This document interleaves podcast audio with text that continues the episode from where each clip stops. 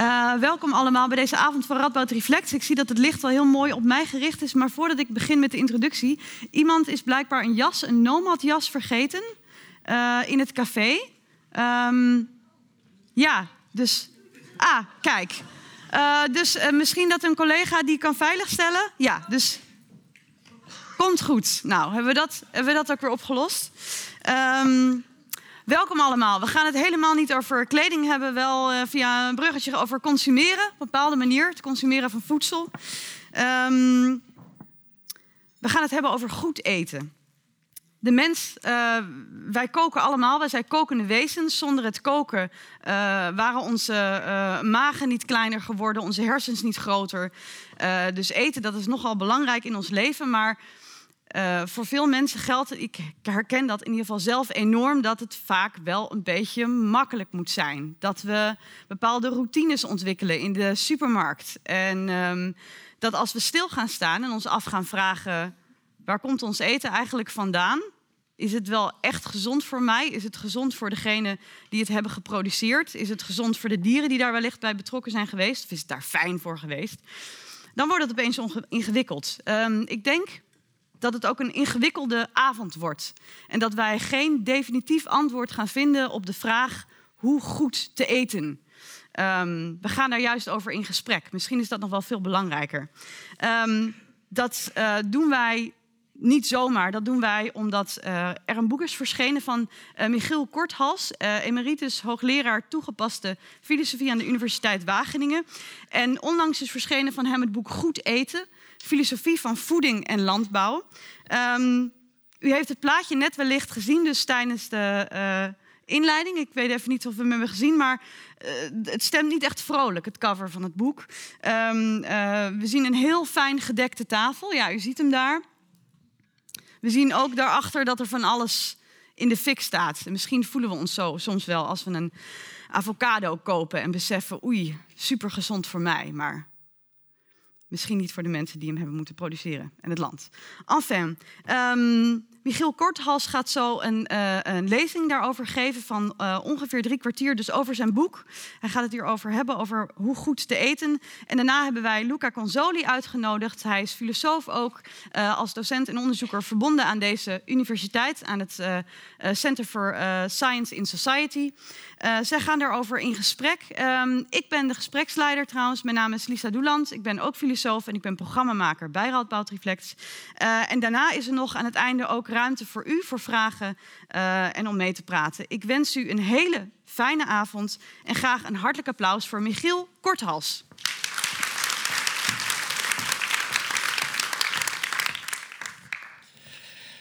Ja, um, mooi hier te staan. Um, dit is het onderwerp, twee woorden, maar een ongelooflijke complexe materie, die overigens altijd kan eindigen in iets heel simpels, namelijk iets wat je in je mond steekt en wat heel lekker is.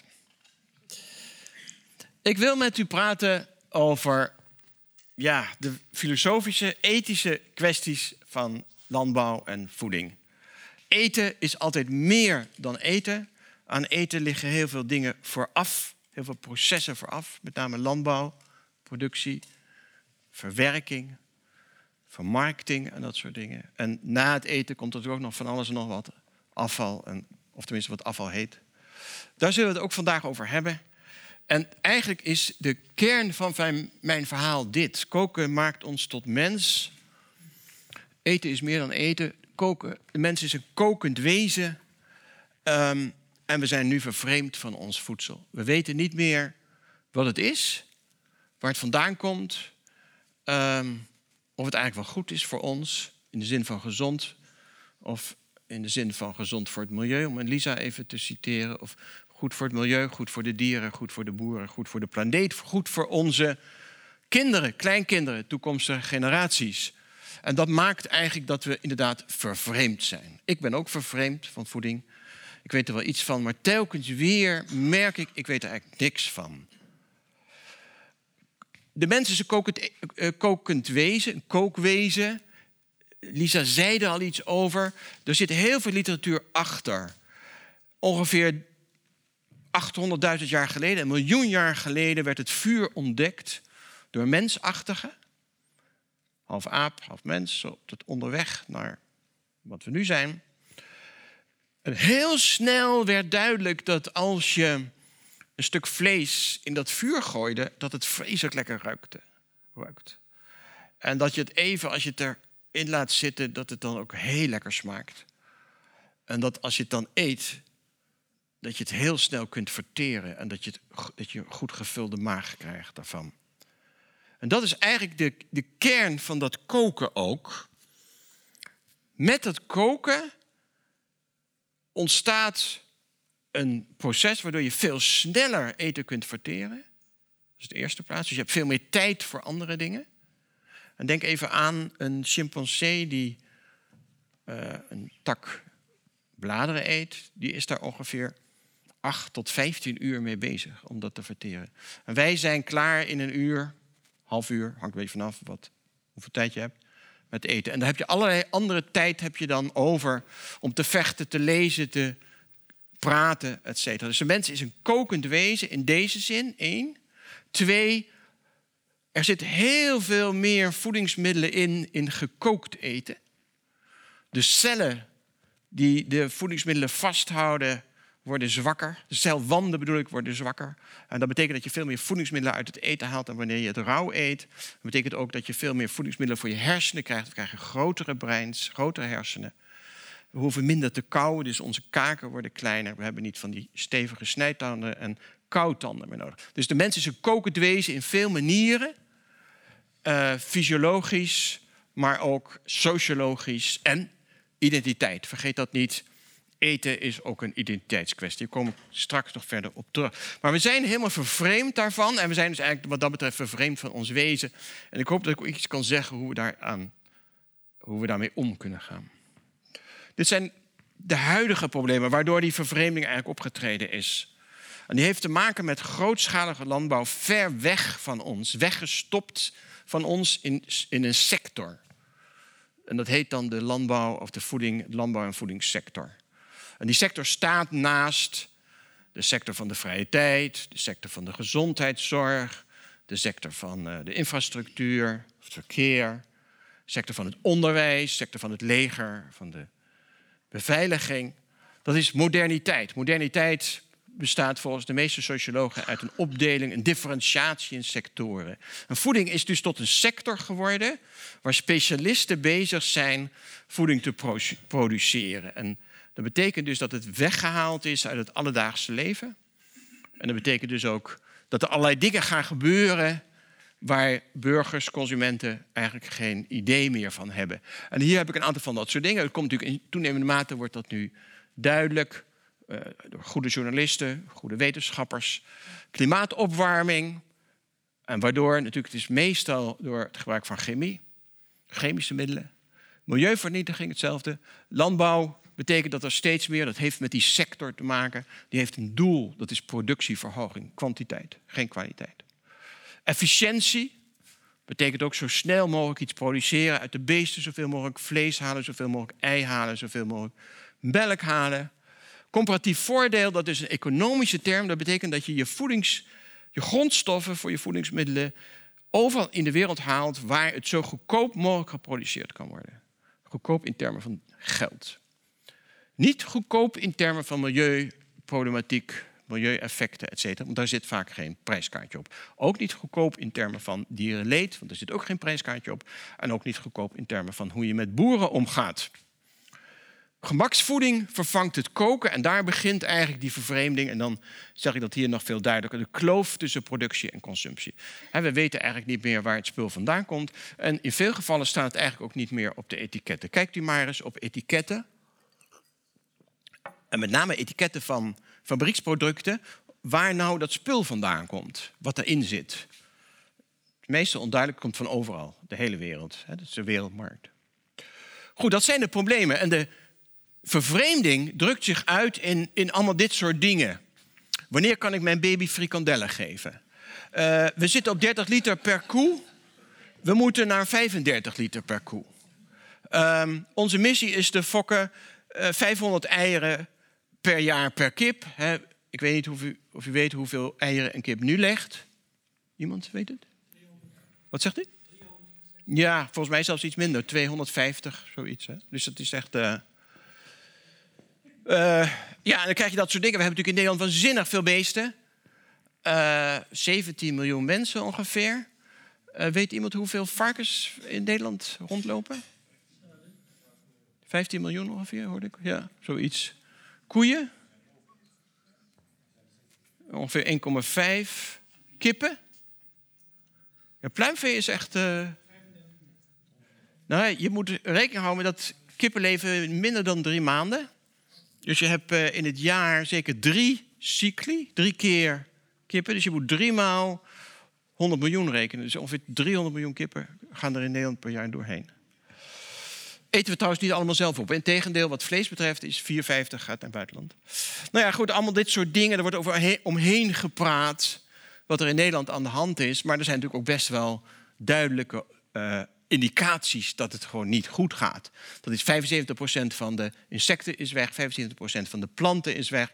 We zijn bezig met monoculturen, oppervlaktewater wordt verontreinigd en we betalen vrij veel voor waterbeheer. Allemaal, allemaal kwesties die hiermee samenhangen. Dus die voedings- en die landbouwsector is geen sector, die gaat door alles heen. Gezondheidszorg leidt eronder, denk even aan obesitas, uh, infrastructuur leidt eronder. Denk even aan de uh, ja, enorme oppervlaktes die nodig is om uh, bijvoorbeeld veevoer te produceren. Allemaal dat soort zaken. Dus we voelen ons vervreemd. Dat betekent onheimisch, afstompend met betrekking tot voeding. Het gekke is natuurlijk dat voeding nog steeds ook wel die vreugde beleefde, belevende uh, factor is. Hè? Het is toch steeds lekker en leuk met je vrienden te eten, maar tegelijkertijd weet je, er zit een zwart randje omheen. Op zijn minst een zwart randje, misschien wel een zwarte rand. Ja, dit soort dingen ook. Hè? Ik ben geen dierenbeul. Ja, wat, ziet u wat hier het probleem is? U zegt? Ja, precies, de staart weg en ballen. En dat zie je niet helemaal goed, maar de tanden natuurlijk. Hè? Dit is vervreemding. Het zal best een hele lieve vrouw zijn, maar dit is gek. Hier zit een incoherentie. Vervreemding is ook, heeft, vol, heeft volledig te maken met incoherenties. Als, als boeren zeggen, um, het, is, uh, het is gewoon veel beter dat het kalfje zo snel mogelijk van de moeder weg is. Ja, dat, dat is incoherent. Daar zit iets raars in. Ze halen ook niet de baby zo snel mogelijk van de moeder weg. Dat is, dat is gek. Ja, en dit is het gevolg. Monocultuur rechtsboven. Uh, dus eindeloze rijen, dezelfde gewassen. En dan helemaal links uh, leegloop van het platteland, uh, verloedering. In het midden een 3D-printer, dat is ook wel zoiets. Het staat heel ver weg van je af. Je moet die tubes kopen en dan kun je misschien een, een, een, een, een pannenkoekje maken of zoiets. En dat is eigenlijk nog meer vervreemding. Dat is Jake, dat is poedervoeding. Er zitten alle ingrediënten in, alle nutriënten in, zegt men. En het handige is, je neemt af en toe een slok je hoeft je niet om enige maaltijd te bekommeren. Ik kom er misschien zo meteen nog wel even terug, want er zitten heel veel ook fysiologische nadelen aan vast. Die hebben te maken met het feit dat als je niet meer koud, je kaken niet meer beweegt, um, je, je, dus het hele, hele slokdarm gebeuren beweeg je niet meer. Als je kaken niet meer beweegt, beweeg je ook je voorste, wordt je voorste hersenfront niet meer gestimuleerd. En in twee, drie jaar ja, is de kans op dementie vrij groot, maar ook het wegvallen van je, van je spieren en je tandvlees. Dus dat is, uh, het, wordt, uh, het wordt aanbevolen door, door velen, omdat er alle nutriënten in zitten. Maar dit is heel wonderlijk, omdat het zo afziet van wat er allemaal nog meer is met eten. Nogmaals, eten is meer dan eten. Dus de andere is ook nog zoiets, hè, dierenwelzijn. Ja, waar is dat hier? Nou, uh, niet dus. En hier zie je eigenlijk die, die, die verbanden nog eens iets groter met biodiversiteit en landschap. Hier het onderste is het Nederlandse landschap. Heel weinig beesten. Een paar uh, hele bekende, de vos, de haas, noem maar op, muizen. Dit is al iets diverser. En hier zie je ook veel, hier wordt ook veel meer soorten gewassen geproduceerd. Uh, dit is, dit is zou je kunnen zeggen, een ideale, ideale toekomst. En daar hoger nog veel meer. En met ook veel meer beesten. Dus hoe meer variatie we op ons bord hebben, het, is gewoon niet anders. Het lijkt een beetje een wonder, maar het is zo. Hoe meer variatie je op je bord hebt, hoe meer variatie je in het landschap hebt, hoe meer variatie je in de beest, bij de beesten hebt en bij de planten. En bij de boer. Daar komen we straks nog op terug. Oké, goed eten maak je dus tot mens. En zeker groen eten. Dit is niet iets wat ik helemaal zelf verzin. Ik, ik heb heel veel contacten gehad met boeren en nog steeds veel contact. Ik ben zelf een kleine akkerbouwer, zo noem ik me. Um, maar je leest het ook wel bij de filosoof Kant. En veel mensen verwachten dat niet, want filosoof Kant wordt gezien als een hele Puriteinse filosoof. Dat was hij absoluut niet. Eten was voor hem buitengewoon belangrijk in de zin van het samen zijn. En dan ging het over koken, eten en praten tijdens het eten, de maaltijd. En wat is er nou, waarom is dat nou zo belangrijk? Hier staat ook al één ding van hem. Mondigheid heb je over wat je uit je mond haalt, dus wat je zegt. Maar mondigheid is ook wat je in je mond stopt. Dus het heeft ook iets met autonomie te maken. Dat je zelf kunt kiezen wat je wil eten. Zelf, tezamen met anderen natuurlijk, want hij legt heel veel nadruk op die maaltijd. De maaltijd is altijd een gezamenlijk iets. En wat zegt hij dan allemaal? Goed eten schakelt lichaam en geest in. Dus het heeft niet meer de split, die splijting tussen lichaam en geest. Dat is een heel belangrijk filosofisch thema, weet u misschien. Hey, wat, uh, wat verdwijnt hier? Uh, weet ik niet wat dit is. De machine die doet toch niet iets verkeerd? Waar is het beeld? Wat zeg je? Het komt goed. Oké, mooi. Ik ga even door. Dus geen uh, splijting, geen scheiding tussen lichaam en geest. Maar het lichaam is volledig geïncorporeerd, verweven met de geest. Dat vond Kant ook heel belangrijk. Dan, het is sociaal. Denk even aan een maaltijd met uh, familie of met collega's, met vrienden, met buren. Het verbindt.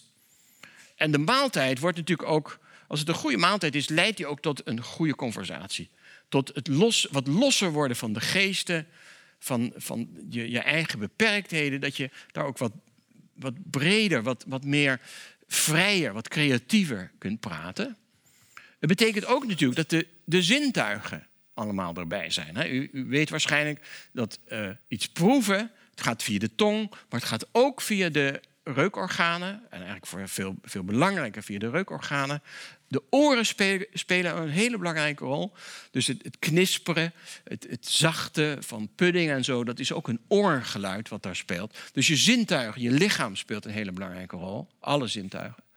Eten is natuurlijk ook een kwestie van zelf uitzoeken. Dat is ook leuk. Gewoon experimenteren. Wat vind ik lekker? Wat is daar leuk? Wat is daar lekker? En wat vind ik niet lekker? En natuurlijk, als je zelf eten gemaakt hebt, die trots dat je dat zelf gemaakt hebt. En dat zijn allemaal dingen die, verbond, die die verbindingen geven, die voorheen eigenlijk in de filosofie als scheidingen gezien werden. Lichaam en geest, zintuigen onbelangrijk, uh, onderzoeken bij het eten. Hoe kom je erbij? Je moet de, maan en de sterren en gaan onderzoeken. Nee, kijk maar eens naar beneden, kijk maar eens naar de aarde, wat daar groeit. Trots op wat je bent, is dat psychologische. En natuurlijk dat laatste is ook belangrijk, die verbinding tussen stad en ommeland. En het komt van dichtbij. Dit zijn allemaal dingen die je eigenlijk in die filosofie van Kant al kan vinden. Um, op basis daarvan heb ik verder nagedacht over wat is er nou fout eigenlijk in onze uh, manier van uh, voeding produceren. Of in ieder geval, wat staat mij niet aan, laten we het zo zeggen. Fout is misschien niet helemaal het goede woord, want je moet toch telkens weer kijken van, kun je er toch niet iets van gebruiken? En ik heb wat criteria opgezomd. Is het veilig? Dat is natuurlijk best belangrijk. Hè? Word je er niet doodziek van? Is het voldoende? Is, heeft iedereen voldoende eten?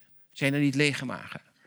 Is het adequaat? Zitten er goede, de goede nutriënten in? Want het kan wel vol met vet zitten of met suiker, maar ja, dat is eigenlijk niet goede voeding. Dan het punt van de productie. Schaadt het de volgende generaties niet? Wordt er niet zoveel gif gebruikt dat inderdaad de biodiversiteit verdwijnt? uh, dat de insecten en de planten en de bijen verdwijnen. En u weet, als de bijen verdwijnen, of de pollinators wat ruimer, dus de, de bevruchters van uh, gewassen, als die verdwijnen, ja, dan wat moet je dan nog doen? Hoe kun je dat nog bevruchten, die, uh, die bloemen? En dan respecteert het de dieren en planten. Ze hebben een bepaalde functie in het geheel, maar ze hebben ook eigenlijk een functie op zichzelf. voor het ecosysteem waarin wij zitten. Respecteert het boeren. Kom misschien later ook nog wel terug, want dit is, dat is eigenlijk wel een kernverhaal, een kernpunt in mijn hele boek ook. Boeren, als het goed is, zijn ze inderdaad heel erg betrokken op de speciale omstandigheden van de ecosystemen waarin ze zitten. En misschien dat een van mijn dingen die ik wel geleerd heb in, in de gesprekken die ik heb gehad met boeren en anderen daarover, is altijd in de landbouw is alles anders. Dus wat hier op een bepaalde vierkante meter groeit, groeit daar op die vierkante meter niet. Of slecht, of anders, of op een andere manier. Dus overal is het anders. Dus je hebt inderdaad die boeren nodig die aanvoelen en weten, beseffen, hebben ervaring dat het daar iets anders groeit dan hier. Dus je kunt nooit zeggen van, ja, maar in uh, de, de, de, de Flevopolder groeit het daar en daar. En dus kunnen we het nu ook in, zeg maar even wat, Bangladesh doen of uh, Afrika doen. Dat is, dat is eigenlijk de grootste ja, denkfout die vaak gemaakt wordt. Dus generaliseren is waanzinnig moeilijk in de landbouw. Omdat, en waarom? De bodem is overal anders, klimaat is overal anders, is hele gebruikelijke ding natuurlijk. Maar ook de boerenomgang is anders, de conventies zijn anders. Respecteert de dieren en planten, dat hebben we gehad, de boer. Dus boer is, is zo'n, ja, hoe zeg ik het? Als het goed is, zo'n hoeder van complexiteit. Hoeder van complexiteit. Bevordert het een levendig landelijk en stedelijk gebied. Als je die uitgestrekte monoculturen hebt, dan weet je daar, daar woont niemand meer, er zijn geen scholen meer, er is geen gezondheidszorg meer. En wat heb je dan eigenlijk? Ja, een leeg land. En is dat nou wat je wil? Nee, je wil natuurlijk een land, ruraal gebied, of zo, wat, wat, wat divers is, waar je van alles en nog wat kan doen, waar een levendigheid is, wat dynamisch is, waar werkgelegenheid voor jongeren is. Dat die steden ook niet met slums worden, worden om, omsingeld. En dat dit brengt het boeren en consumenten bij elkaar. Gaat het dus die vervreemding waar ik al eerder over gehad heb, gaat het dat tegen? Dat zijn eigenlijk criteria. En ik geef ze voor beter hoor. Als iemand bij iets beter kan vinden, oké. Als er iets meer bij kan, oké. Laten, we, laten we uitzoeken. Maar dit is in ieder geval iets. En dan kom ik natuurlijk op een, op een beoordeling van hoe gaat het met de intensieve landbouw. Met de chemie bijvoorbeeld. Dan hebben we dus 4000 kilo per jaar wordt er in Nederland per persoon hè, uh, over het land gestrooid. Dus 17 miljoen mensen, 17 miljoen van 4, maar 4, 4000 kilo. Dus uh, ja, aardig wat. Hè? Allemaal in naam van ons, zou je kunnen zeggen. En dan is natuurlijk allerlei effecten zijn er, direct meetbare effecten, zoals fijnstof. Dierenleed is natuurlijk niet meer meetbaar, kom je al wat moeilijker. En er is een soort ongeorganiseerde verantwoordelijkheid. Niemand neemt verantwoordelijkheid voor al dit soort dingen. En de boer zelf in ieder geval de boer die in dat conventionele systeem zit van monoculturen, die is in feite een slaaf. Die is alleen maar een horige van de zaad- en de chemie-industrie. Daartegenover heb je een heel ander systeem, of systemen, meerdere. En die zijn behoorlijk in opkomst, ook in Nederland. En ze waren al heel lang dominant in de niet-westerse landen. Dus zeg maar Afrika, stukken van Latijns-Amerika en Azië. Die noem je, en hier noemen we het vaak biologisch, Agroecologisch is wat radicaler, omdat het nog meer de hele ecosysteem erbij betrekt. En voedselbossen is nog veel radicaler. Misschien kom ik, kan ik straks dat nog wat verder uitleggen. Maar belangrijk is vooral geen chemie, gebruik de natuur. Gebruik de natuur op een manier dat je natuur toch respecteert. En dan gaat het om natuurprocessen. Dus gebruik de bodemprocessen, de organische processen die daarin plaatsvinden. Bodem is een van de meest centrale punten in die alternatieve systemen. Dus je bent voortdurend bezig om te werken met iets waar je op staat, waar je dus niet ziet, waarvan je weet echter dat daar heel veel micro-organismen zitten, bacteriën, schimmels, weet ik wat allemaal meer. En natuurlijk ook hele kleine insectjes en wat, noem maar op, wormen. En die maken dat we telkens weer uit die bodem een plant met vruchten die wij kunnen eten, dat die daar weer uit groeit. Dus bodem is in die alternatieve oplossing een, een kernpunt. Terwijl bodem bij de chemische behandeling speelt geen rol. Dat is gewoon een bak waar je chemie in gooit. En als het goed is, gooit er dan iets, groeit er dan iets uit. En het proces bij die, de, de uitgangspunt bij die bodem is de vrienden, eh, de vijanden van jouw vijanden zijn je vrienden. Dus de insecten die roofinsecten opvreten, die moet je hebben. Die moet je te vriend houden. Die moet je stimuleren. Dus je, je selecteert heel erg wat kan ik hiervan gebruiken in mijn bodem en wat niet. Korte ketens, dat betekent dus ook lokale landbouw, dus zo, lokale productie. Dus zo dicht mogelijk bij de consumenten zitten. Dat willen die biologische boeren, agro-ecologische boeren, et cetera. Dus niet meer van overal vandaan je eten halen, je fruit, je groenten, zelfs je meel niet. Uh, maar zo dicht mogelijk, zo min mogelijk tussen personen. Uh, directe verbanden. En dat betekent ook streven naar agrobiodiversiteit, want dat hangt heel erg met elkaar samen. Het is, het is eigenlijk, je zou kunnen zeggen, dat deze positie ervan uitgaat dat je de natuur moet dienen om jezelf te kunnen voeden. Je moet zoveel mogelijk je inleven in de natuur. Dus het is geen beheersen meer van de natuur. Maar het is wel selecteren. Het is wel selectief omgaan met natuurprocessen. Want er zijn natuurlijk heel veel natuurprocessen die gewoon giftig zijn en waar je vanaf moet blijven met je poten. Maar er zijn natuurprocessen die je wel kunt gebruiken. Maar je moet die natuurprocessen in zijn geheel toch zoveel mogelijk respecteren. En dat heet biodiversiteit, agrobiodiversiteit. Dat zijn de twee uitersten. Ja, en als je dan goed gaat kijken, dan zeg je natuurlijk van ja, ehm, hoe zit het met die intensieve landbouw? Voldoet hij aan deze zes? Nou, nauwelijks. Er is onvoldoende voeding. Wil zeggen, er is wel voldoende voeding, maar het is niet goed verdeeld in de hele wereld. Er is nog ongeveer, ik geloof 800 miljoen mensen zijn uh, hongerig, gaan hongerig slapen. En ongeveer 2 miljard mensen krijgen niet adequate voeding, zijn ondervoed. die krijgen te veel vet, te veel suiker, dus hoort de obese bij, maar daar horen natuurlijk ook de mensen bij die uh, onvoldoende voeding krijgen. Is het duurzaam? Nee, dat is het niet, want chemie maakt natuurlijk heel veel kapot. Respecteert het in dieren en planten? Nee, ja, dat, ik liet dit al wat dingetjes daarvan zien. Oh, gaan we weer. Um, respecteert het um, boeren? Nee. En hoe zit het met die kloof? Ja, helpt het ook niet. En uh, nou ja, zo zijn er meer van dit soort zaken. Bij de biologische zit dat anders. Uh, daar kan je zeggen, dit is niet altijd duidelijk hoor, dat moet ik zeker zeggen. Levert het voldoende voeding? Dat is een discussiepunt. Dat is een discussiepunt. Ik, uh, ik, ik, ik vermoed van wel. Zeker als je even vlees weghaalt. Uh, u weet misschien, ongeveer 70% van de landbouwproductie en de landbouwgronden wordt gebruikt voor vleesproductie. 70%. Dus 30% van de landbouw en de landbouwgronden en de landbouwenergie gaat naar, direct naar mensenmonden toe. Als je zo bekijkt, zou je kunnen zeggen van ja, er is altijd voldoende voeding. Want als je nou die vleesproductie nou maar wat minder maakt, dan is er meer dan voldoende voeding voor die andere mensen. En als je dat biologisch doet, is er verder geen enkel probleem. Is het duurzaam? Nou ja, daar hebben we het al even over gehad. Um, die agro-ecologische benadering is inderdaad duurzaam. Dat kan je zeker zeggen. Dat wordt eigenlijk nooit ontkend. Respecteer de dieren en planten, hetzelfde. Respecteer de boeren, ja, omdat het ervan uitgaat dat alles divers moet zijn. Dat betekent dat die boer dus een hoeder is van diversiteit. Levendig en landelijk stedelijk gebied, hetzelfde. Het is een respect voor boeren, respect voor hun kennis, voor hun ervaring. Dat betekent ook dat boeren zoveel mogelijk op het land moeten blijven. Dat je ze niet van het land af moet jagen.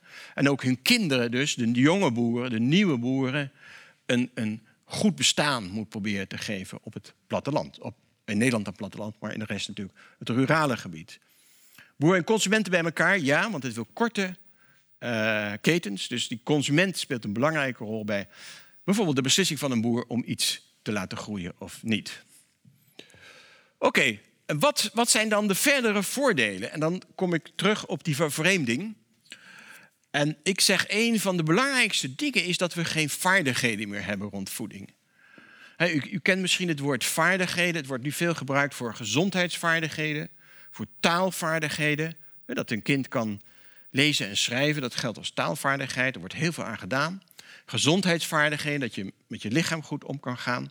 En weet hoe je met medicijnen omgaat. Maar zoiets als voedselvaardigheden, Daar is eigenlijk nog veel te weinig over gesproken. En ik ben daar heel erg mee bezig. Ik probeer dat echt zo als een technisch woord ook in de wetenschappelijke wereld in te brengen. Dat heeft allerlei kanten. En voedselvaardigheden heeft op zijn minst drie aspecten. En ik noem hier een aantal dingen die daarbij belangrijk zijn. Voedselvaardigheden gaan natuurlijk over de vaardigheden van het uitzoeken van je ingrediënten. Dus eh, vaak gaat dat met koper gepaard. Het heeft te maken dat je weet hoe je kan koken. En dat je weet hoe je maaltijd kan organiseren met vrienden, bekenden, families. Dat zijn eigenlijk drie kanten. En die voedselvaardigheden die moet je kunnen trainen, die moet je onderhouden. Die, dat die, die verlies je als je het niet onderhoudt. Het is net als een spier of spieren. Die moet je ook voortdurend uh, stimuleren, anders vallen ze weg. Dus voedselvaardigheden, dat zijn routines die je opbouwt als het goed is in je jeugd en tijdens school. Nou ja, dat hebben we dus eigenlijk allemaal niet meer. op school wordt geen, wordt geen aandacht besteed aan koken, aan eten, aan landbouw, waar, waar, waar de, de groentes vandaan komen, et cetera. Tenminste, ik generaliseer, er zijn scholen die best wel doen. Maar het gebeurt vaak nog veel te weinig. Dat is wel mysterieus. De ene keer valt dat ding weg en de andere keer niet. Ja? Oh, fijn. Ja. Dank je. Oké. Dank je. Ja.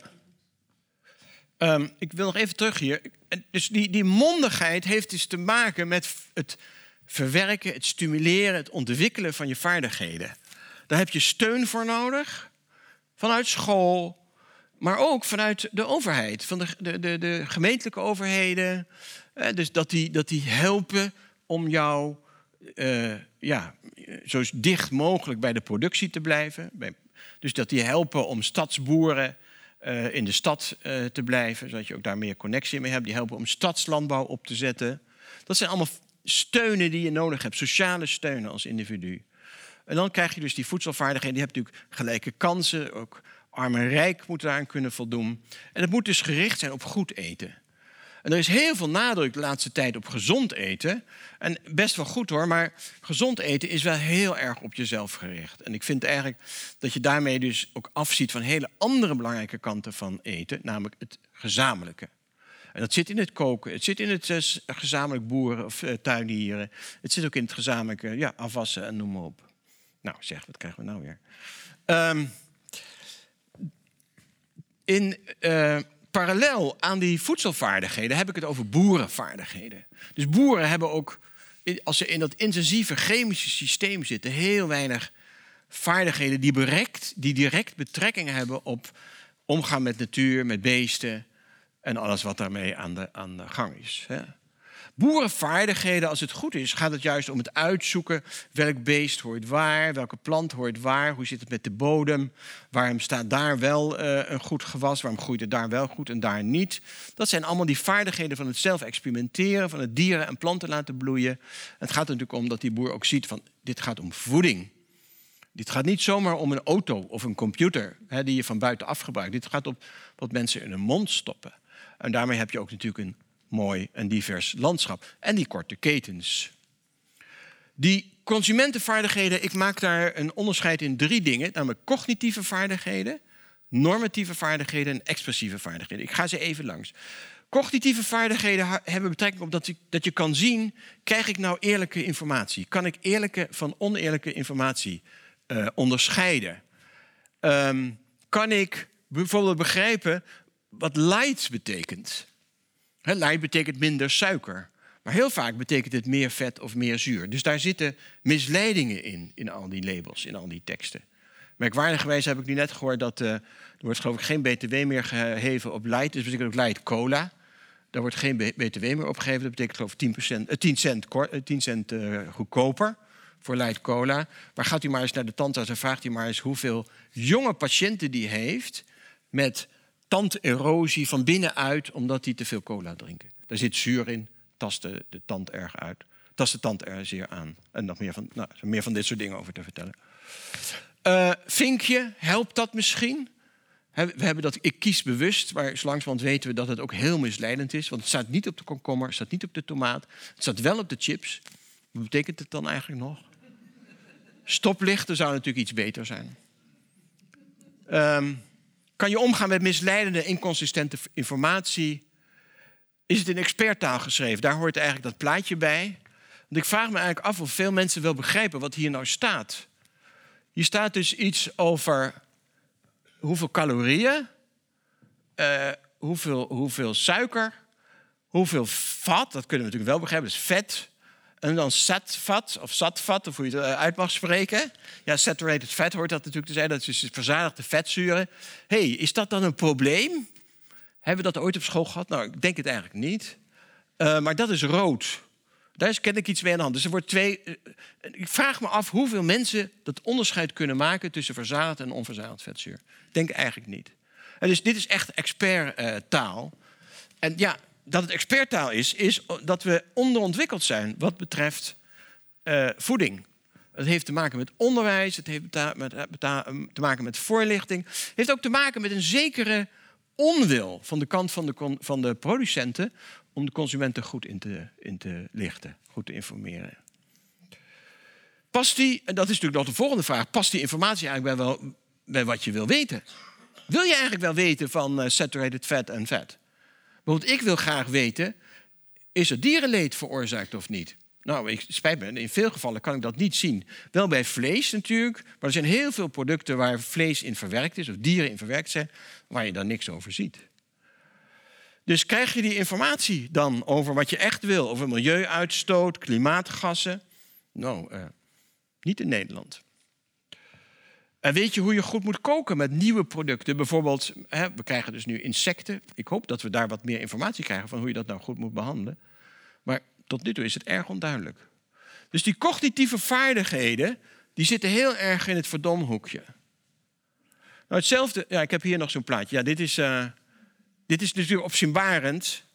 Het aantal suikerklontjes per product. Als, als het zo wordt uitgelegd, begrijp je eindelijk wat er eigenlijk aan de hand is met al dit soort dingen. Tomatenketchup, zo'n flesje, wat is het, 300 gram of zo. 31,5 suikerklontjes zit daarin. Dat is toch onvoorstelbaar? En dit, is, dit, is, dit is, voor zover ik heb kunnen nagaan, klopt dit. Hier bij babyvoeding, zes suikerklontjes in zo'n klein potje van 125 gram. Dat is ongelooflijk. En daar heb je natuurlijk ook nog iets van uh, die misleiding. Hè? Dus uh, blauwe bosbes en framboos, als je daar achterop gaat kijken, is 0,1 procent. En het is bijna, het is, bijna een soort Jezus-truc. Hè? Weet, Jezus maakte van water wijn. En Albert Heijn maakt van 0,1 blauwbes en framboos 100% blauwbes en famboossap. Ja, dat is werkelijk uh, bijbels. Bijbels. Bijbels wonder. Normatieve vaardigheden. Die, die, ook die zitten bij ons door die vervreemding in een, in een verdomhoekje. Dus is het terecht dat we ondernemers alleen maar beoordelen op winst? dat gebeurt nog steeds, ook in Nederland. Het gaat om die ondernemers in de landbouw en de voeding. En je, ze worden alleen maar beoordeeld op de winst die ze maken. Is dat terecht? Moet de landbouw niet aan, aan, aan normen en waarden voldoen? Uh, kan je je eigen voorkeuren verbinden met wat er allemaal gebeurt in die sector?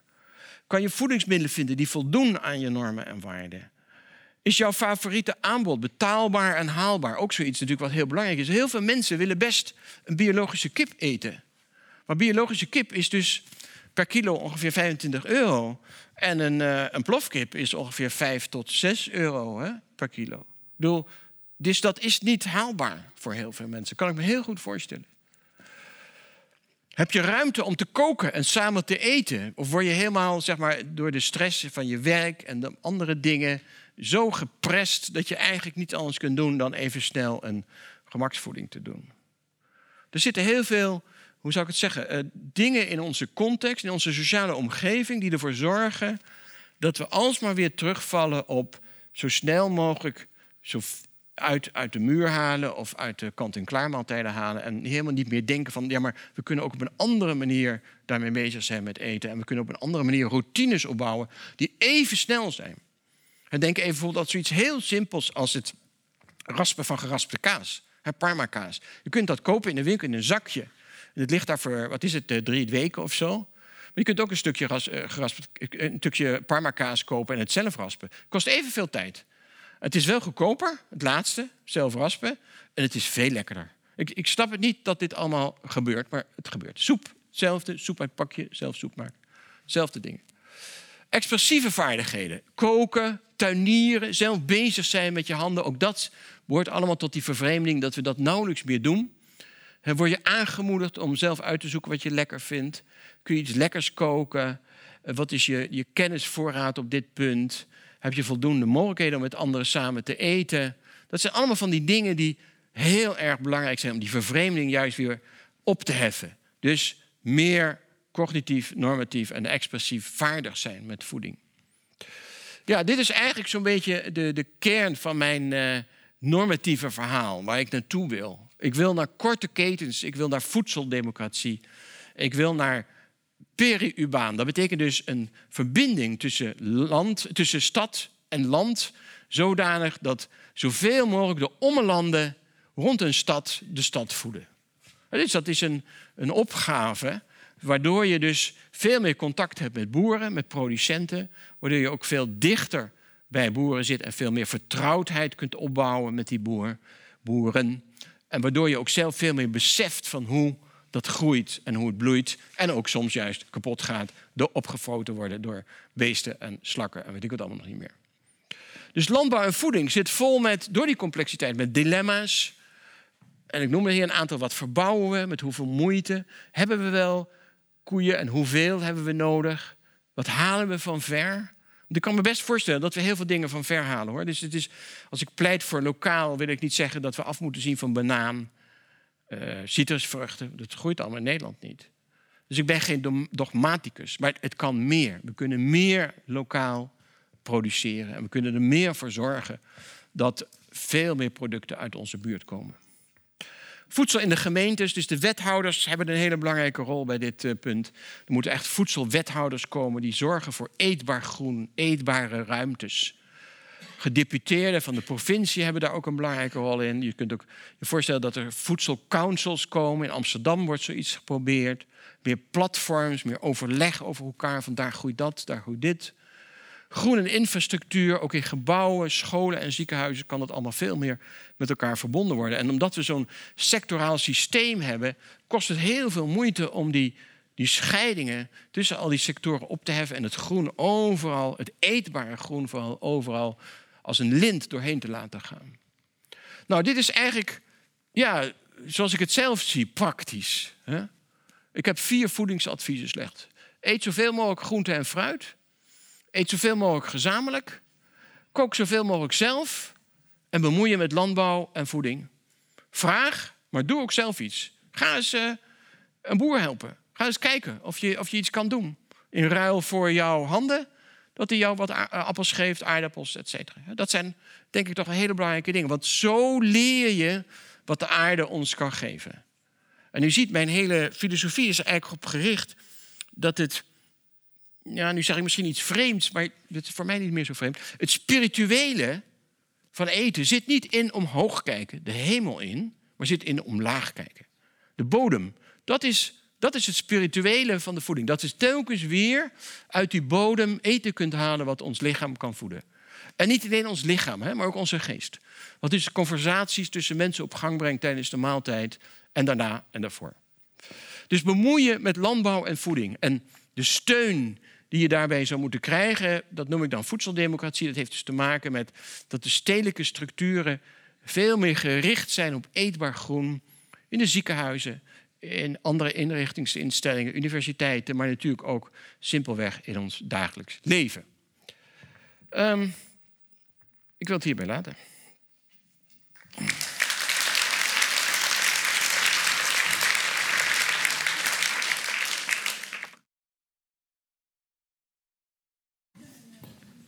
doorpraten.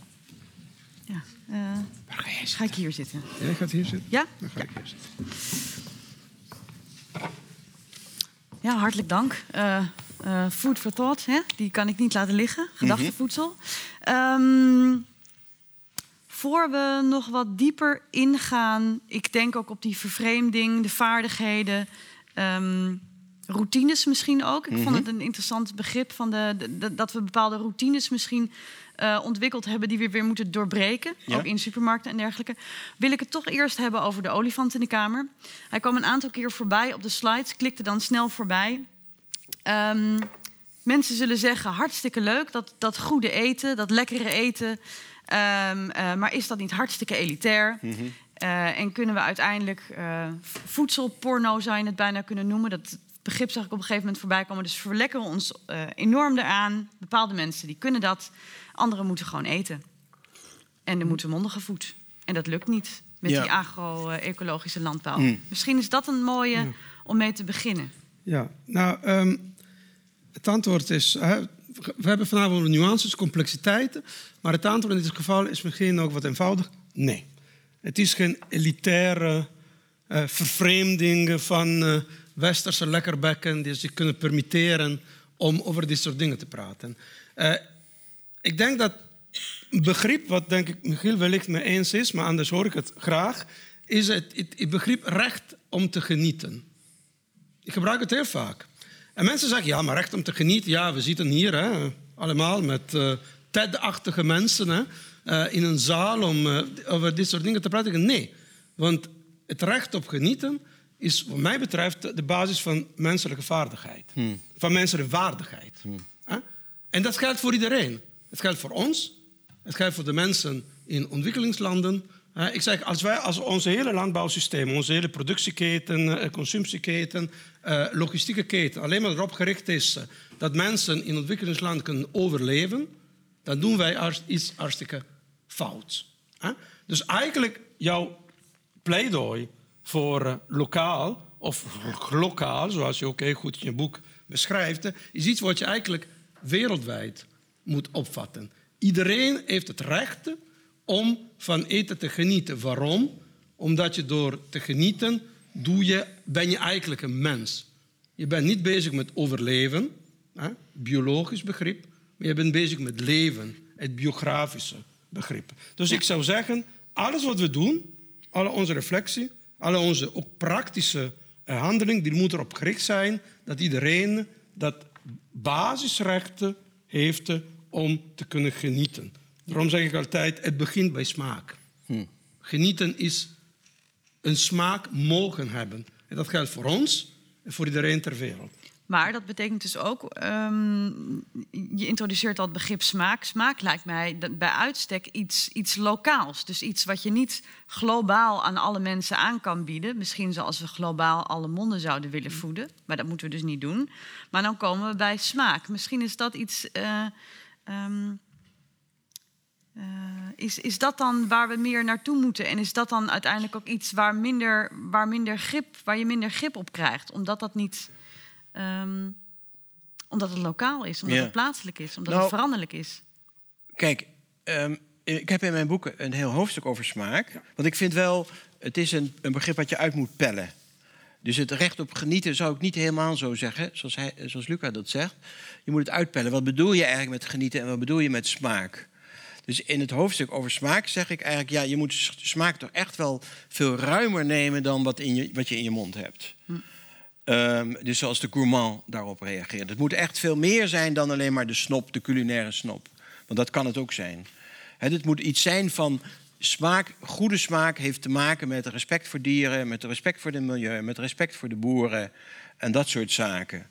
Dus... Um, Smaak is een, is een breed begrip waar veel van die, die, aspecten die ik noemde bij die criteria van landbouw een, een rol bij spelen. Ja, want ik denk inderdaad bij smaak ook al snel aan, aan inderdaad iets elitairs, iets ontwikkelen. Smaak is iets wat je moet ontwikkelen, dus dat is allemaal chique mensen zijn dan. Ja. Maar u zou zeggen, misschien, misschien begrijpen we het wel helemaal verkeerd. Misschien nou, dat vind ik dus zeker. Kijk, smaak houdt natuurlijk samen met een, uh, een fles wijn uit 1964 of zo. Zo wordt het vaak gezien. Zo, zo moet je dus juist niet zien. Ja. of een speciaal soort stuk vlees uit weet ik van wat voor landstreek. wat heb je ook alweer? Dat wagyu yugu beef. Ja? ja? uit Japan of zoiets. Dat soort dingen. Ik geloof, wat is het? 100 euro per ons of zoiets. zoiets. goed. Nou ja, dat, dat, dat bedoel ik dus niet. Nee. nee. Het gaat om echt. En, en het genieten is ook natuurlijk zoiets. Want ja, je kunt echt genieten. Uh, van, het hangt een beetje van je persoonlijkheid af en waar je opge, uh, hoe je opgegroeid bent. Als je je volvreet in McDonald's iedere dag. Ik zie dat best wel. Dat is, het- maar je moet dus natuurlijk wel dat punt hebben van het lange termijn genieten. Dat is natuurlijk het hele bekendste punt van Epicurus, de bekendste filosoof op het gebied van het genieten van eten. Die zegt: ga nou niet korte termijn genieten. Denk in ieder geval over de volgende dagen. Dus die wijn kan heerlijk zijn, maar hou het bij twee glazen. En eh, ga zeker geen tien glazen drinken, want dan ben je de volgende dag, de dag daarop, ben je behoorlijk eh, kapot, zeg maar. Ja. Dus genieten is ook iets wat je moet uitpellen. Wat bedoel je daar nou mee? Eh, dat is echt toch wel iets van eh, rekening houden met je lichaam, met de verdere gevolgen, de verdere impact. En ik ben wel met je eens dat genieten en smaak iets persoonlijks ook hebben. Maar dat betekent niet dat het puur buiten, de publieke, buiten het publieke debat hoort. Integendeel, er is, zit aan smaak zitten ook objectieve dingen. En een van de meest duidelijke dingen die ik tijdens die, het onderzoek naar mijn boek eh, ondervond, was dus dat de hele gebruikelijke eh, voedingsmiddelen, zoals spinazie, eh, aardappelen, bloemkool, eh, Brussels lof, spruitjes, die hebben vergeleken met 50 jaar geleden veel en veel minder nutriënten, dus veel minder vitamine en mineralen en dus ook, daardoor ook veel minder smaak. Ja. Dus er is een objectief probleem dat de smaak die wij nu ontwikkelen, is, zit vast aan hele grote extremen. Zout, enerzijds, suiker, anderzijds en vet, anderzijds. En al die nuances, die zijn er niet meer. En daar zit ook iets van die vervreemding in. Ja. En dus daar moet ook meer, en ik verwacht ook van de lokale landbouw, dat die dus ook meer gebruik zullen maken van al die oude gewassen met die volle smaken die er nog zijn. Ja, nou ja, Nou, daar lijkt wel een Mag revival. ik er even een kanttekening op zetten? Want ik, ik vind, eh, ik ik kan een heel eind meegaan. Maar eh, wat ik wel vind, en dat is wel een nuance die in het boek heel nadrukkelijk eh, naar boven komt. Bijvoorbeeld, hè, we hebben een hele... laten we maar een andere olifant in de kamer noemen. Het eten van vlees. Eh, ik hoor er vaak, ja, leuke avonden, de oplossing is allemaal vegan. Nee, natuurlijk niet. Ik hoop dat iedereen na vanavond, nou, misschien nu al, we gaan met het gevoel van het is veel complexer dan dit. Er zit een heel mooi hoofdstuk, hoofdstuk 9, emoties, waarheden en betekenis rond koeien. Mogen we vlees eten? Wordt heel genuanceerd, een heel mooi verhaal van de grijze juist aspecten hè, van dat onderwerp laat zien. Maar terugkomend op smaak. Hè. Eh, een goede fles, we, moet, we moeten nadenken over de komende generatie. Ja, misschien wij. Omdat in onze cultuur is dat iets wat erbij hoort. Maar juist als je kijkt naar andere culturen, waar smaak een andere invulling heeft. Want eh toekomsten, eh, zorgen voor de toekomst een andere betekenis heeft. Dan zien we precies dat spanningsveld ontstaan. Dan lopen we enerzijds het gevaar van absolutisme. Er is maar één manier om over genieten en duurzaamheid te denken. En aan de andere kant lopen we het gevaar van relativisme. Oh, het maakt niks uit, want elke cultuur, elke mens kan zijn eigen manier en we mogen er niet over oordelen. En dat is precies wat het ingewikkeld maakt. Voor, voor, voor mij, dat recht op genieten, is niet een soort eh, Kantiaanse eh. Ik, als deugdethicus, ik probeer altijd om zeg maar, de, de plaats- en tijdgebondenheid van eh, deugdelijkheid ook hè, te erkennen. En dat wat mogen, wat mogen niet, wat is goed voor de natuur, wat is goed voor het milieu, dan moet je juist heel erg rekening houden met de, de context, de randvoorwaarden, de cultuur. En daar heb je, in plaats van alleen maar tegen elkaar schreeuwen, hè, de carnivoren tegen de veganisten, tegen de vegetariërs, tegen weet ik veel wie, dan heb je juist dialoog nodig. Hè? En dialoog kun je alleen maar zoeken, en dat vind ik juist eigenlijk de mooiste boodschap uit je boek, als je werk doet eh, om die vervreemding te overbruggen. Want als je vervreemding kunt overbruggen, dan hebben we gezamenlijk zeg maar, eh, context om met elkaar in gesprek te gaan. En dat is moeilijk. Dat is ook voor mij altijd. Eh, Ja, is- want, het maar is, dan kom je dan niet per definitie ook weer bij een. ehm, eh, je- komt er toch per definitie nooit helemaal uit, Nee. zou ik zeggen. Exact. Nee, het- het blijft. Nou ja, er is één punt waar je wel uitkomt. Namelijk, op een gegeven moment, als je met vrienden aan het praten bent. en je hebt een lekkere maaltijd. dan geniet je van die maaltijd. Ik bedoel, dat is het leuke. eh, vind ik ook nog steeds van je bezighouden met landbouw en voeding. Er is tenslotte toch iets wat je lekker vindt. Die appeltaart die daar gebakken is. Of, eh, wat hebben we net gegeten? Een heerlijke geroosterde bloemkool. Hè? Ja. Ik bedoel, eh, natuurlijk, er zitten al die andere dingen zitten er omheen.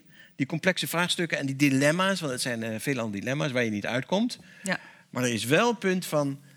eigenlijk iedere dag weer en beloning van een goede maaltijd. Ja. En tegelijkertijd, hè, ik weet niet hoeveel mensen in de zaal uh, puberende kinderen hebben. en uh, uh, wat bij puberende kinderen, sorry, ik doe zo, want dan kan ik mensen niet zien. wat is, zoals dat heet in jongerentaal, wat is de shit? Even McDonald's. En dan denk je, ja, nou, heb ik iets verkeerd gedaan in de opvoeding? dat mijn puberende kinderen McDonald's het, op, het lekkerste wat er is. Moeten we voedselonderwijs verplicht stellen in het basisonderwijs? Daar zal ik ook jouw Ja, mening over stellen. ja. Eh, is dat een eh, fase wat nodig is eh, om doorheen te komen? Wat is onze maatschappelijke rol om de McDonald's van deze wereld eh, tegen te gaan, te bevechten? Ik ben een grote voorstander om allemaal het land uit, wat mij betreft. Maar het is mijn persoonlijk standpunt.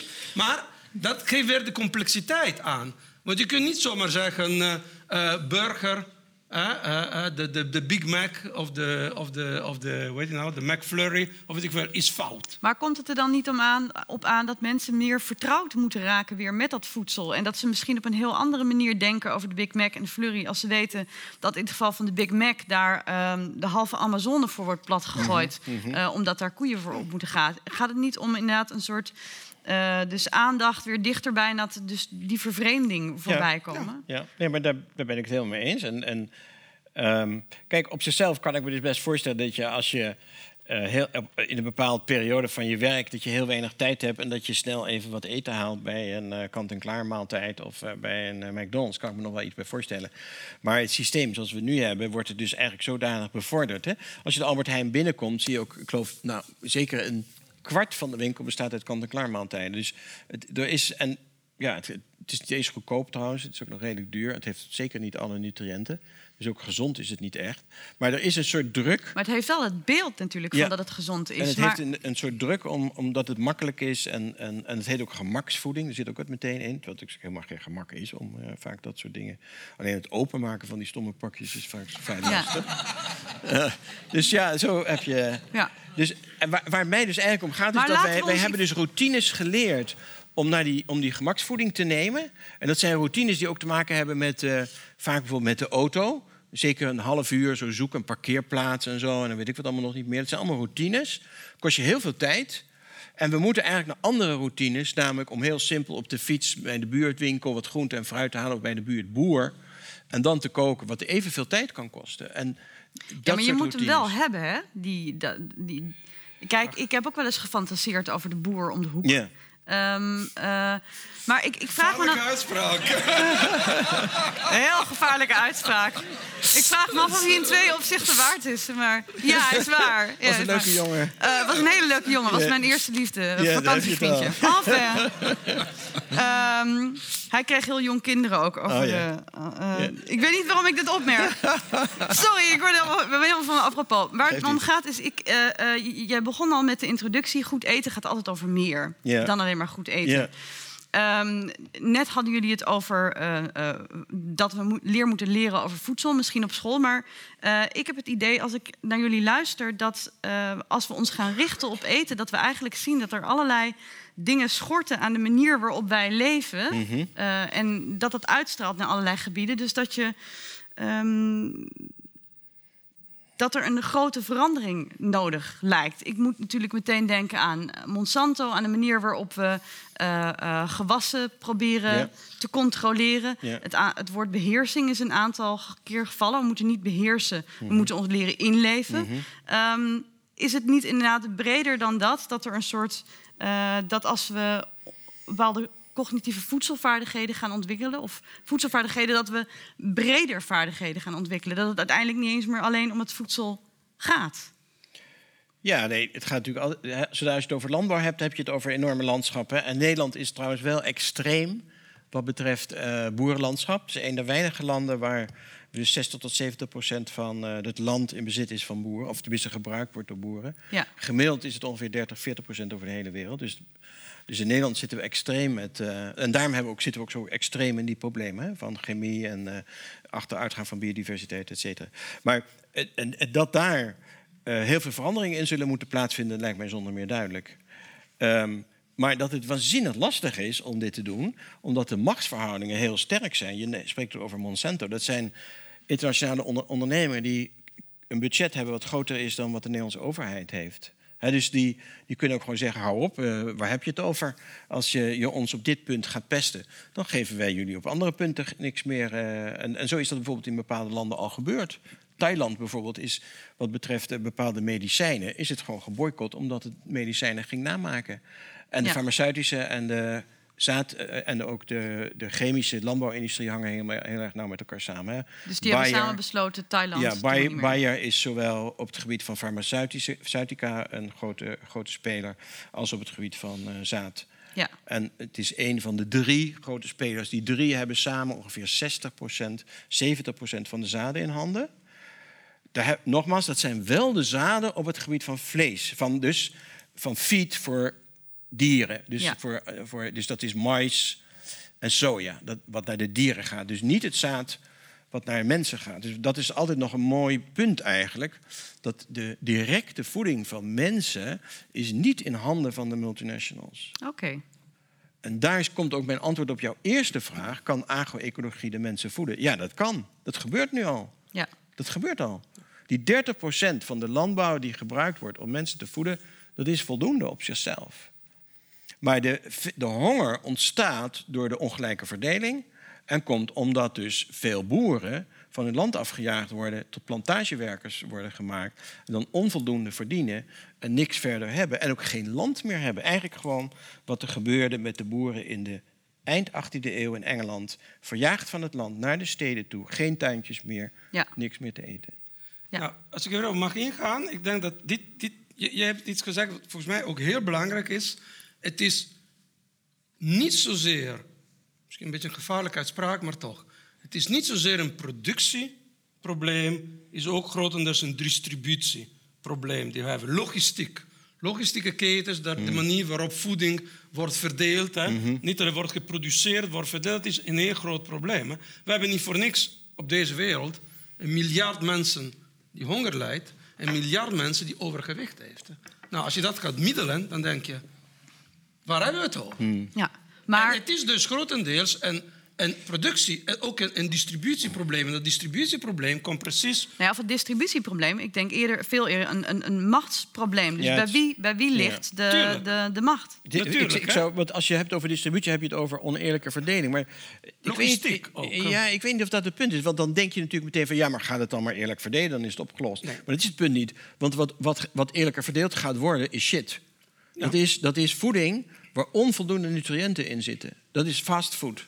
Dat is allemaal, eh, laten we zeggen, McDonald's-achtig food. Dus juist het, eh, de kwaliteit van voeding, daar gaat het om.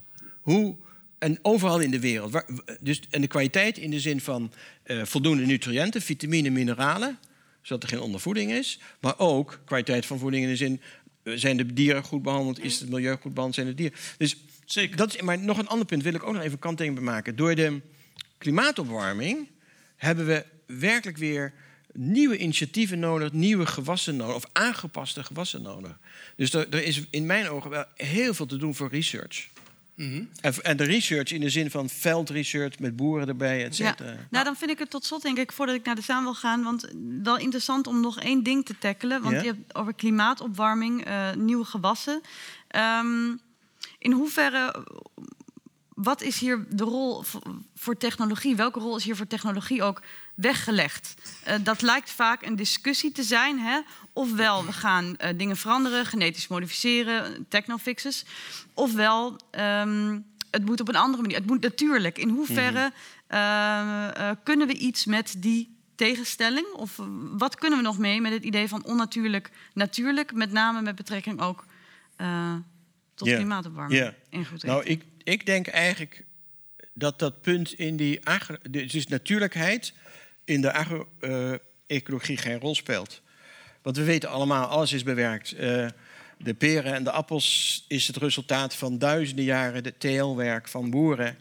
Het gaan net zo goed.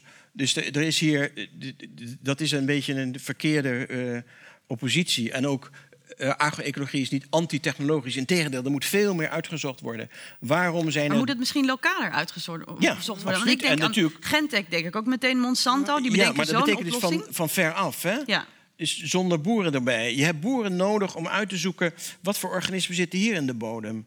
Wat voor organismen zitten daar in de bodem. Kunnen we misschien die plant die daar zit, kunnen we die overbrengen daarheen? Dat gaat allemaal niet meer zo. Dat ging, we dachten allemaal dat het heel makkelijk ging. Denk even aan de grote ontdekkingsreizigers. Die namen allemaal in hun boten enorm veel spul mee en brachten dat naar Europa. En zo, zo het zit veel ingewikkelder in elkaar. Nou. Maar op zichzelf hebben we heel veel wetenschap en technologie nodig, ook voor de agro-ecologie. Maar heel anders. We hebben tractoren nodig met hele lichte banden, zodat die niet de grond plat maken. Hm. We hebben machines nodig, zodat het veel makkelijker is manueel te onkruid te wieden. Ga maar door. Je hebt waanzinnig veel meer technologie nodig voor deze agro-ecologie, maar in een hele andere richting, gericht op kwaliteit van voeding. Ja. Nou, en ik denk dat het heeft te maken met het feit dat natuurlijk tegenwoordig een containerbegrip is. Natuurlijk betekent in feite niks. Hè? Dus je, je komt heel snel in, in wat, wat, wat in de filosofie een valse dilemma. Heet. Natuurlijk versus mm onnatuurlijke. Hmm. Maar dan weten we eigenlijk niet meer wat het is. Of sterker nog, heel veel verschillende actoren hmm. hele andere ideeën hebben over wat natuurlijk is of wat natuurlijk is. Ik denk dat uh, veel meer dat uh, zeg maar, de tegenstelling tussen natuurlijk en onnatuurlijk, uh, technologie versus traditie, eigenlijk dat we ons moesten richten over korte termijn versus lange termijn. En vaak technofix, technologie, wordt ingezet om dingen op de korte termijn op te lossen. We hebben een mhm. probleem. Nou, we gaan de technologie inzetten. Kunnen we nog vijf jaartjes vooruit. Mhm. En dan kunnen we naar de volgende technologische oplossing. Maar juist ook wat jij zegt, als wij technologie, innovatie, inzetten voor de lange termijn oplossingen, dan heb je niet meer de tegenstelling tussen techno, niet techno, natuurlijk, ambachtelijke. Dan heb je juist een duurzame inzet van technologie. Maar mhm. dat vereist wel een omdenken in ook de manier waarop technologie wordt, uh, over technologie wordt gedacht en ingezet. Ik vond bijvoorbeeld, uh, laatste slide, de wethouder voedsel. Dat vind ik een heel interessante, want wethouders hebben als termijn de volgende verkiezingen. Mhm. ja. Dus je kunt niet, hè, dus je kunt toch niet verwachten van politici die afhankelijk zijn van hun bestaan, mhm. van een verkiezingscyclus, dat zij over 20, 50, 100 jaar denken. Mhm. Dus de vraag is hoe nodig, hoe nuttig, hoe zinvol is überhaupt een gedeputeerde voedsel en wethouder voedsel. Want hun mhm. perspectief is eigenlijk niet, en terecht, hè, want het is een bestaansrecht is niet in 100 jaar, maar in 15, 15 jaar. Mhm. dat, dan hebben ze een andere perspectief. En dat is precies wat deze discussie zo ingewikkeld maakt. Dat korte termijn, lange termijn perspectieven allemaal door elkaar heen lopen. En gaan we er staan om een om beleid te maken. Dus, uh, ja. ja. Nou, misschien, misschien wil ik dan tot slot het wel even weer even terug en even simpel maken. Dan van, van uh, u beiden één antwoord op de vraag: en hoe fietsen wij onszelf dan in de wielen? Dus wat moet ik morgen doen om mezelf wat dat betreft een beetje dwars te zitten? En misschien daardoor wat aandachtiger te worden en wat minder gemakzuchtig. Ja, ik zou zeggen, uh, ga morgen avondeten, koken. En niet kopen, maar koken. Dat is een eerste begin en kijk hoe makkelijk dat gaat. Nou, voor een aantal mensen misschien heel makkelijk, een aantal mensen misschien minder. En dan, wat je over hebt, niet weggooien, maar denken, hoe kan ik er morgen iets anders van maken? Niet, uh, klik, niet klik, ja, niet uh, even opgewarmde meuken, nog een keer. Nee, hoe dat is makkelijk. Hoe ga ik ervoor zorgen dat ik vanavond over heb, morgen op een leuke, smakelijke manier kan eten en dat ook nog in mijn agenda paste van uh, ik ben tot nu en dan heb ik straks nog drie vergaderingen. Nou, dan kom je kraak, okay. dan kan je snel met jezelf in de knoop dan ga je vooruit. Ja. ja. ja, ik vind het een heel mooi advies wat uh, Luca geeft. Um, uh, ik, ik, ik, er zit zeker veel in. ik, ik zou natuurlijk ook zeggen van... ga eens kijken of je in de buurt ergens een boer kan vinden... die uh, ga eens kijken met je buurtgenoten... of je een boer kan vinden die jou uh, iedere week een mand met wat, uh, wat groente kan geven of wat fruit, zoiets. Je hebt al initiatieven, groenteclubs heet dat. Zoek even op in Google groenteclubs. Er zijn er zeker een aantal in het Westen. En die hebben bijvoorbeeld. Zit er eentje? Oké, nou, ga hier naar beneden en uh, daar hebben we het. Ja, Oké, dan ben je er. Ja, goed. Ja, nou ja, dan, dan ben je al een heel eind. Ja. Ja. Mooi, eh, mooi punt. Dank je. Ja. En zo zijn we weer terug in Nijmegen. Het is allemaal heel lokaal. ja. Oké, ik, wil, ehm, ik wil u hartelijk bedanken dat u hier was. En natuurlijk vooral hartelijk dank ook aan onze sprekers Luca Consoli en Michiel Korthals. Dank je. Dank je. Dank je, Lisa. Dank je. Ja, jou ook.